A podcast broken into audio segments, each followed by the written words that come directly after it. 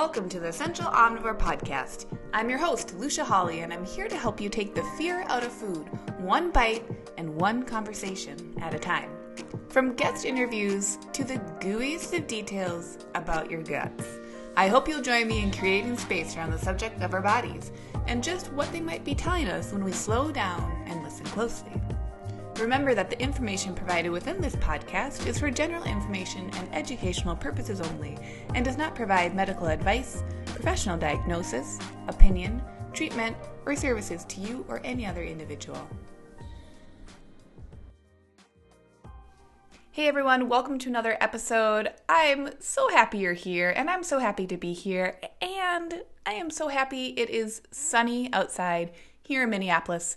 It's still pretty cold, but the sunshine helps, I think, all of us get through it a little bit. I'm very happy to have our guest on today, and let me give you a little introduction. Amber Lauren Link is the owner and recipe developer behind Empowering Nourishment, which is a real food recipe blog aimed towards being a resource for anyone and everyone with an array of different nutrition and dietary healing needs. Amber is a nutritional therapy practitioner, and today on the show, Amber will be sharing her own wellness journey with autoimmune diseases and more, and why she's so passionate about empowering others to listen to their bodies in order to create the wellness and healing that they're seeking. So, without further ado, we are going to jump right into our discussion. I always like to ask people if we could start from the beginning, but I know that the beginning is probably many years ago. So, kind yeah. of with wellness and nutrition, which is you know a big focus of yours, kind of maybe you could tell us a bit more about how that interest got peaked and started. Yeah, definitely. So I'll spare you all of the details, but uh, basically, I was diagnosed with celiac disease in 2009 actually the day before I moved into my college dorm. So that was a fun extra challenge for me. Yeah. Um, and I had been sick for years. So I was diagnosed at 18 and I'd been sick since probably age 11 or 12. And no one could figure out what was wrong with me. And luckily, I went in just to get a physical, and the doctor who was doing my physical had celiac disease. So she immediately knew that I had it pretty much. So I had all the tests done and they came back positive. Um, and so I gave up gluten, but I didn't feel better. Um, and of course, I was in college, so like I had no idea what I was doing. And I think everyone, when they get to college, they just start eating a bunch of junk because mom's not there to cook anymore, you know? Yep. um, so I was just eating whatever I could from the little grocery store we had in the dorm because I had paid for a food plan I couldn't use. So I'm just like eating fruity pebbles and like peanut butter, maybe a couple frozen meals. I convinced them into stocking for me. Um, it was not it was not healthy. so I went back to the gastroenterologist and they were like, I don't know why you're not better. I mean, you gave up gluten, you just have IBS here's some antispasmodic drugs or whatever. Um, and I was like, I don't know, there's got to be something else to this. So I started doing my own research um, and I came across the specific carbohydrate diet, which is pretty similar to paleo, um, but it's more of a healing protocol and it's really, really strict. Um, so I started on that the summer before my sophomore year of college, and I did start to feel a little bit better. Um, it was also really hard though, because literally 100% of your meals had to be homemade, and there was absolutely no cheating allowed. So, and you were still in college at the time. Mm-hmm. Yeah, so I had an apartment luckily by that time, but I was like working three jobs and like trying to make homemade yogurt every week. And wow, it was crazy. Um, but, anyways, I knew that was at least doing something for me. And that's where I kind of started learning about real food. Um, from there, I went to paleo, and I've just spent a, the years after that kind of testing out different diets, learning more about food and nutrition, and then um, kind of using it to help me heal. So in 2014, I was diagnosed with lupus because even though I was doing all of this with food and I was like trying and trying and trying so hard um, to treat what was going on with me, it was still getting worse and I couldn't figure out why. Um, so from there, I started diving more into kind of underlying causes um, of what can be causing autoimmune disease and started looking at those. And I also really started looking at my lifestyle. So by that point, I was two years out of college, maybe. Um, and I was working at a startup and I was working a lot of hours and it was really stressful. Where I was, we actually, I was there for about three and a half years and we went from, I think I was the 12th hire. By the time I left, we were about 90 people. Whoa! So, so it, it, it exploded. yeah, it like exploded and it was a pretty extreme job and I loved it, but I was so stressed out, and I finally realized that was a key piece to what was going on with me.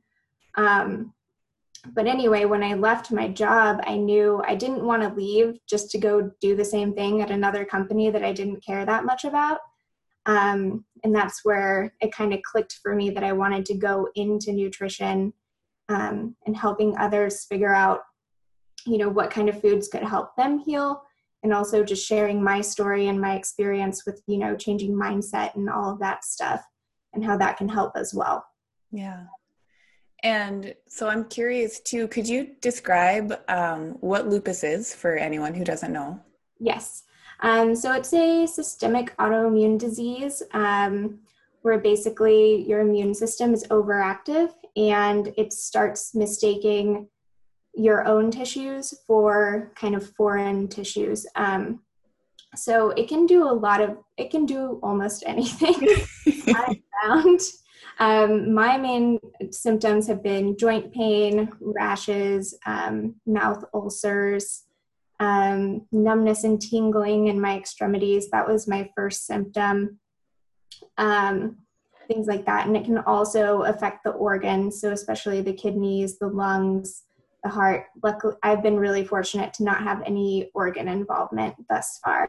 Yeah. So, but it is a like full on systemic disorder. Right, right. And with kind of some of the different symptoms that you just described, it's because it is systemic. It's like, I'm sure it must have been difficult in some ways to really figure out is this the diagnosis? Because there could be so many different signs from fingertips to toes to inside to outside? Yeah, it took me years and years to get diagnosed because I knew I wasn't feeling good. I was trying all this stuff on my own. I was going to natural doctors. I was going to, you know, regular doctors, and no one could figure out what was happening. And basically, what happened was my digestion got so bad that I had a blood test done by my gastroenterologist, and they found that I had zero iron. Mm-hmm. Um, so I just wasn't absorbing anything at all.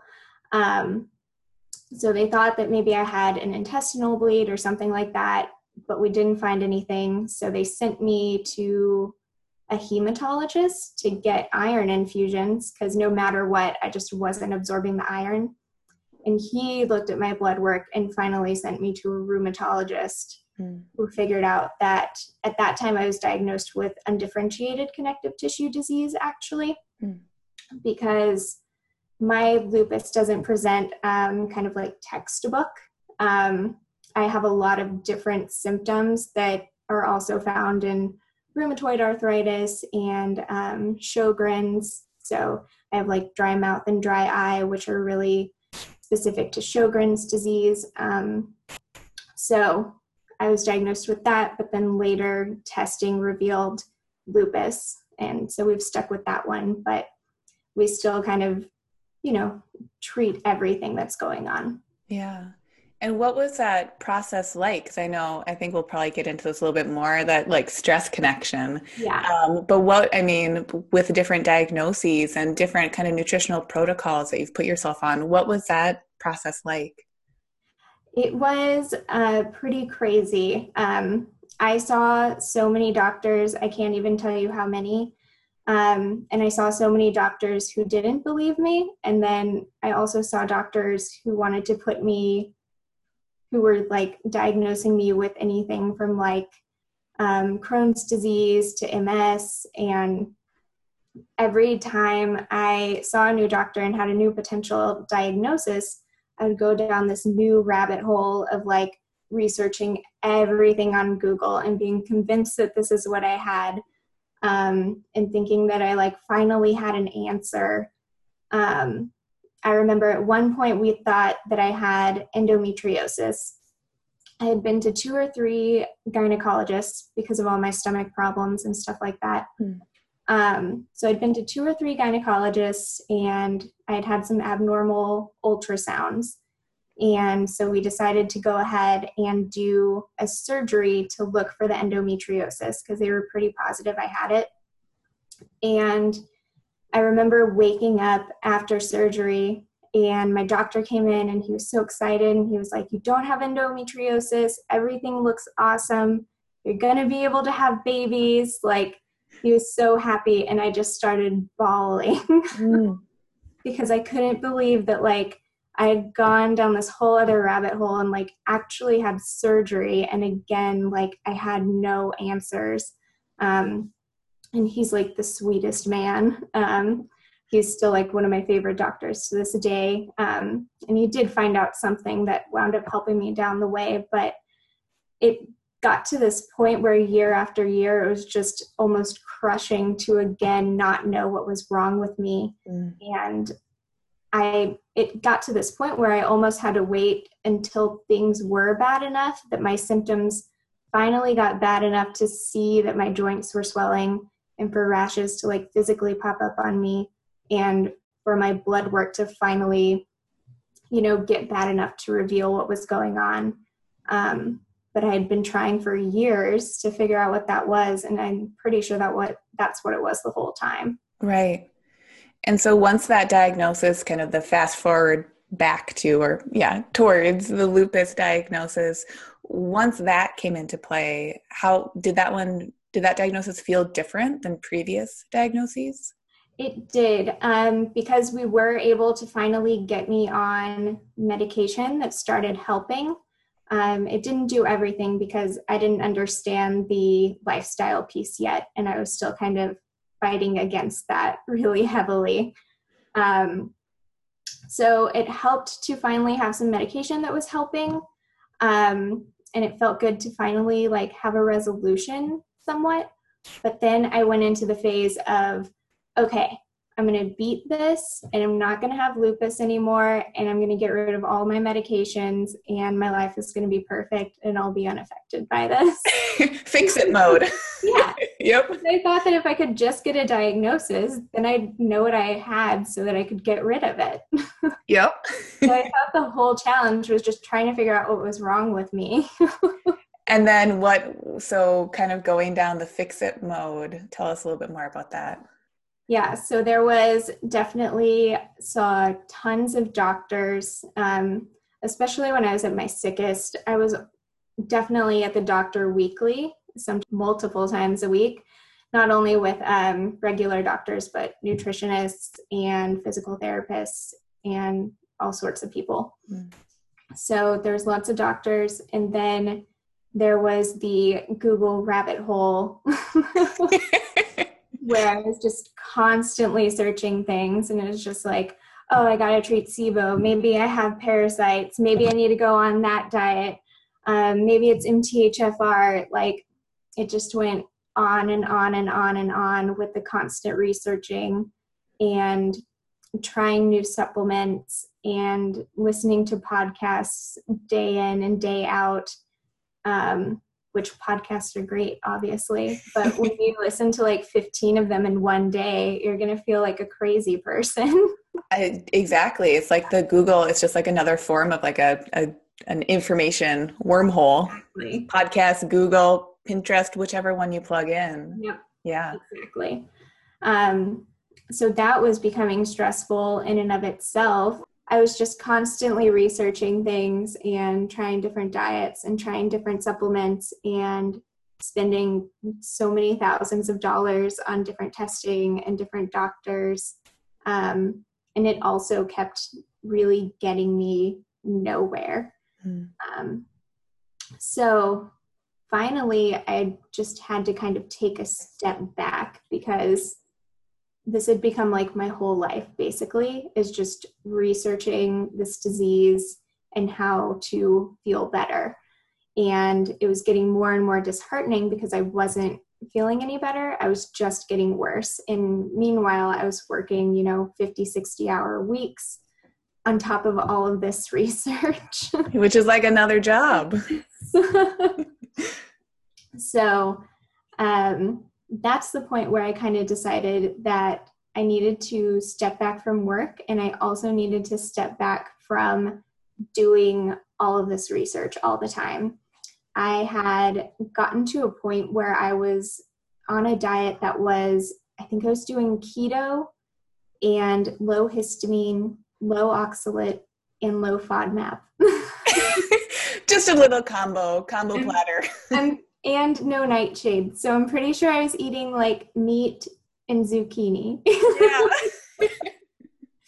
Which which you know one meal sure yeah. tasty but meal in meal out no um and so finally i was like okay it can't be the food like it there's some food that i definitely can't have but this is not the way to go because you know your body needs food in order to like feed the microbiome and everything and at this point, eating meat and zucchini like was not getting me anywhere and it was making me horribly unhappy.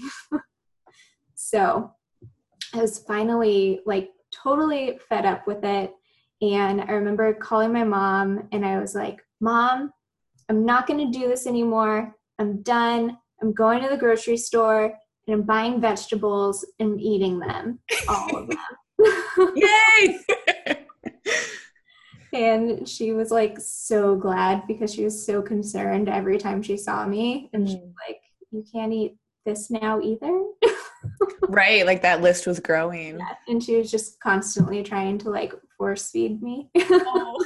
a good mom yeah um so yeah i started finally just adding some stuff back in and learning how to not worry about what diet that fit into because I'd also been paleo at that point for I don't know, probably four or five years.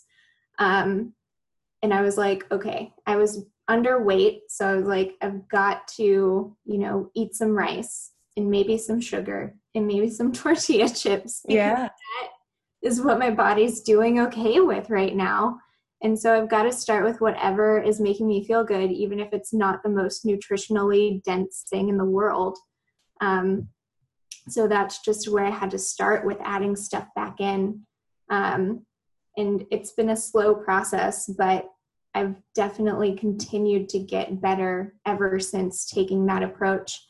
And I'm no longer scared when I add foods back in, like, I don't know, this one is high in FODMAPs, what's going to happen?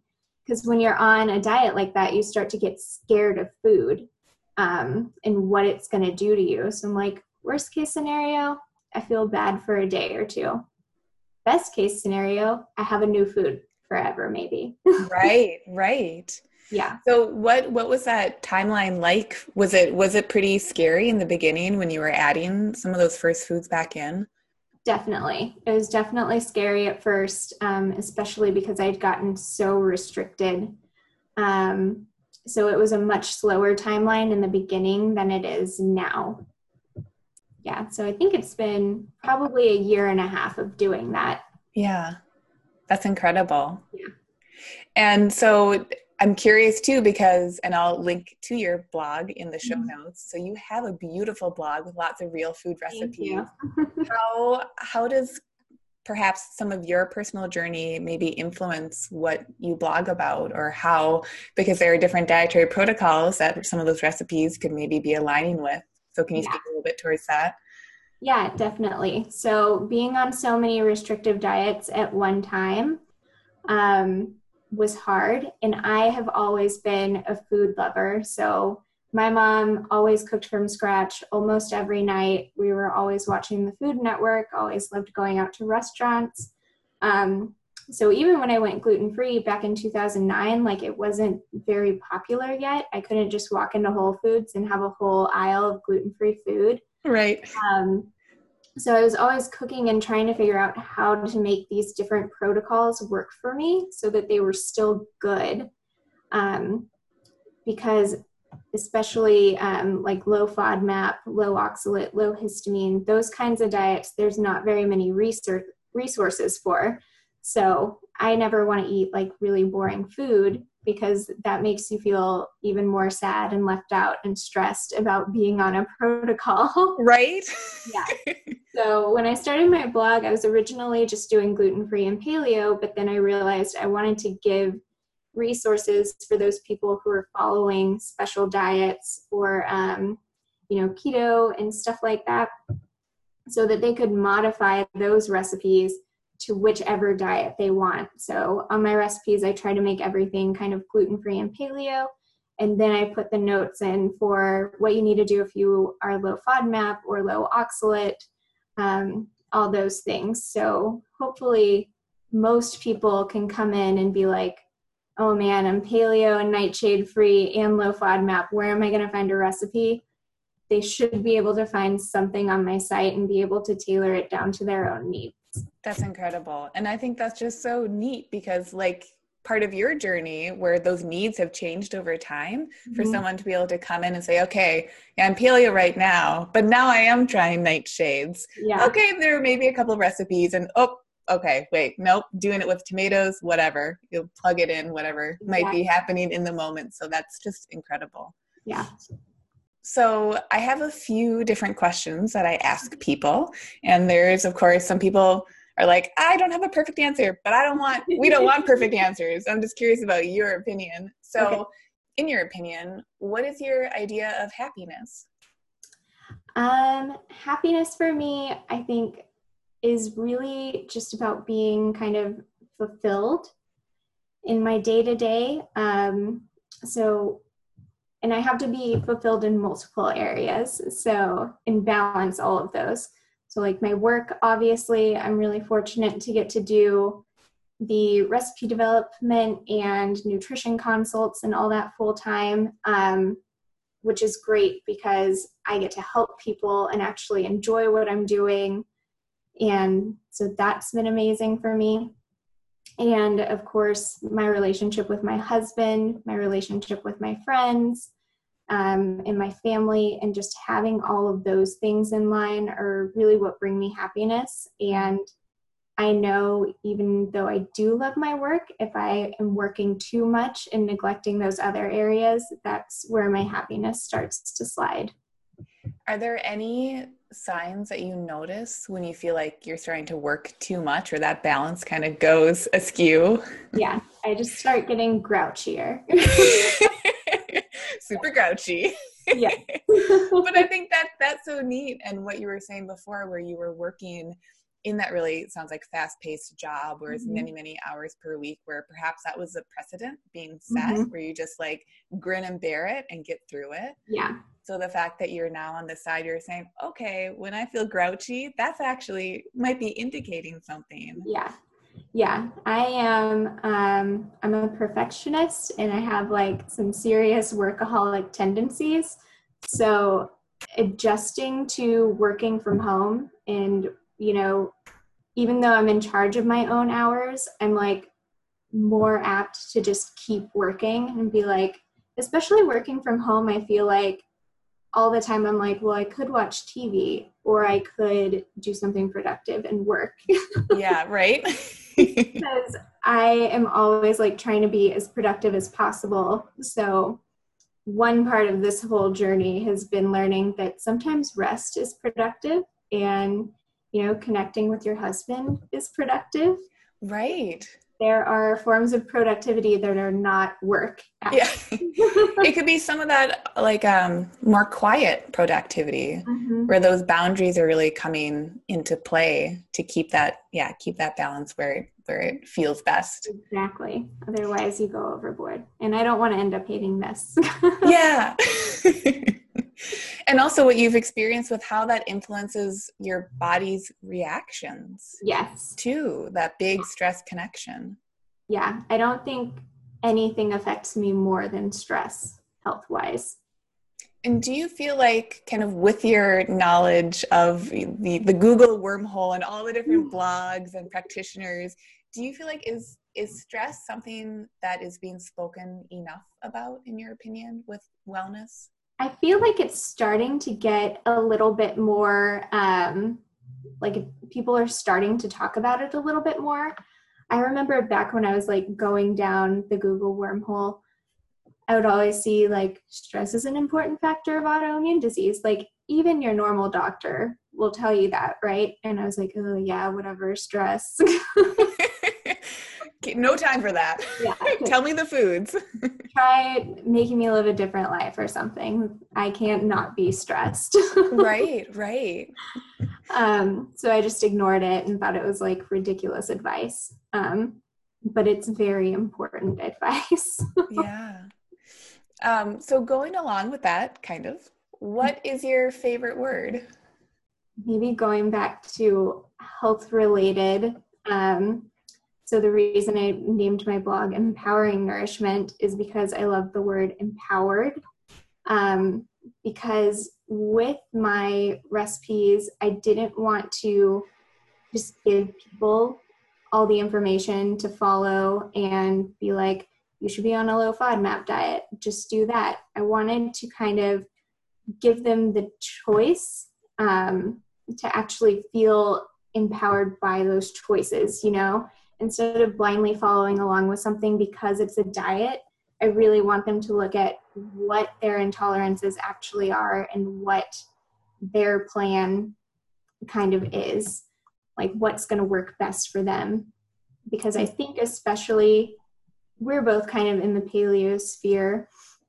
Um, and I think there's a lot of just following along because it's paleo, following along because keto is really popular right now even low FODMAP is getting more popular and people are just kind of following along with it and feeling o- kind of okay without like really stopping to look at what's going on and how they're feeling.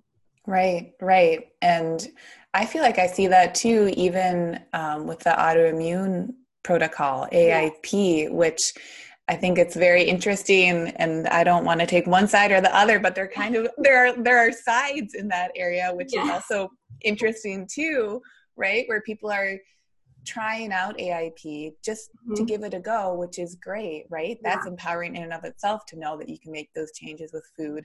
But then yeah. if they're they're there's less it seems like dialogue around trying it out in the short term versus the long term. And exactly. I think there's more kind of research or people stepping up to say hey mm, maybe being restrictive in this way in the long term is actually not so beneficial. Because right.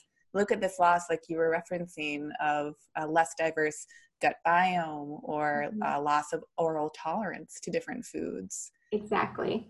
And then you kind of spend your life in a sort of diet box like this is what i have to eat. And now i'm like going outside of this and having my cheat day you know? And you don't want to live your whole life with that kind of perspective.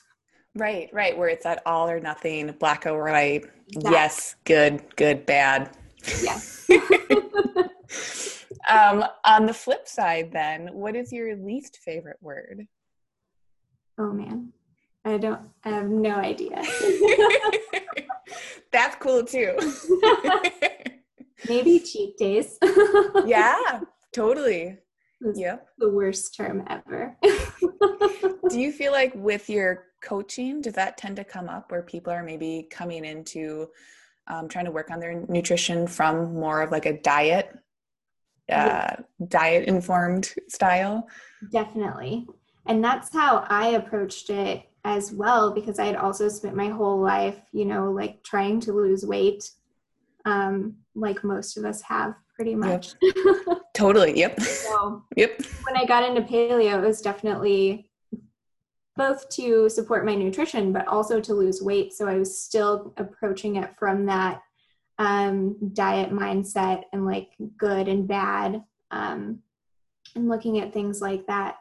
So as I have opened up and expanded my diet to more foods, I've also had to let go of that sort of diet mentality um, that this is good or this is bad, or you know, eating.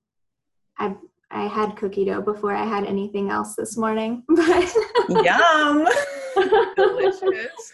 because I was recipe developing, but yeah, still, it's part of your job you know what? I'm okay with this. Like, I'm not a bad person because I ate cookie dough this morning. right, right. And it's really hard to let go of that kind of perspective. And so many of us um, feel that way now because we've spent our whole lives kind of crash dieting. And so then when you're trying to come at it from a nutrition and perspective, there's still all of that um, perspective that's left in you. I think that's so cool that you said that, that like the crash dieting, that there could totally be like a nutrition minded crash diet. Yes. um, do you, with that work that you've had, or just, you know, personal experience in working with clients, are there any strategies or just general ideas that you feel like have been helpful for people to start to maybe suss out or just move away from more of that like oh it's it's a diet or like i need a diet. I should be on a diet. I kind of um one thing i encourage is like not worrying about sticking to it a hundred percent. Um so maybe you're gonna you know have some chocolate here or there. That's okay. Just make it part of it. Um and you know, if you mess up, you don't need to like go back to the beginning and reset and like cancel out all of your work, you know, and you don't need to beat yourself up and spend two extra hours on the treadmill. Um, so I think that helps a little bit, just first erasing the word diet and then being like, if something happens and you're not 100% within these guidelines, that's fine. Maybe just don't be 100% within these guidelines. Maybe the idea is never, never to be at that 100%. Yeah, yeah, exactly. Then my last question of these list of questions, I always have other questions. what is your idea of health? Um, my idea of health is also about balance. Um, so it's definitely you know eating good nutritious food but it's also so much about um, your mindset and you know your level of happiness and how stressed you are and how much you're connecting with other people and rest and hydration in working out it's so many more things than you know just food or just exercise. And i feel like mindset is at least half of it. Yeah. Are there any resources that come to mind um, when people are kind of curious about these subjects or like a, a book or a website that you feel like have been useful for you? Oh man. That's a good question Um, I am a lover of Brene Brown. Um, so it's not specifically related to health, um, but I read The Gifts of Imperfection that she wrote, and that was pretty much life changing to me. wow. Yeah. Um, because that was the point where I was like, okay, I need to make some changes in my life and stop being so stressed out about everything. And that's how I finally learned that it was okay to have this disease and it was okay to rest and it was okay to take some time off and stop beating myself up and trying to chase this i don't know unattainable thing that i was trying to chase. Right. And that not only it seems like that it's okay but that it's healing. Good. Yes. Is that it's like you know if anything it's almost like a tool in your tool tool belt for wellness. So i love everything she does. And I'm also a huge fan of counseling, therapy, all that stuff. Yeah. Awesome. Cool. And I'll, I'll link for um, everyone who's listening. I will link to her, that book. I've, I haven't read that one, but I've read Daring Greatly and one of her other books. And yeah, she's an amazing resource. Yeah, she's yeah. great. Yeah. Um, well, I don't want to take up too much of your time. So thank you so much for coming on and sharing your story. It's yeah. Speaking of like daring greatly and being vulnerable. I take it to heart.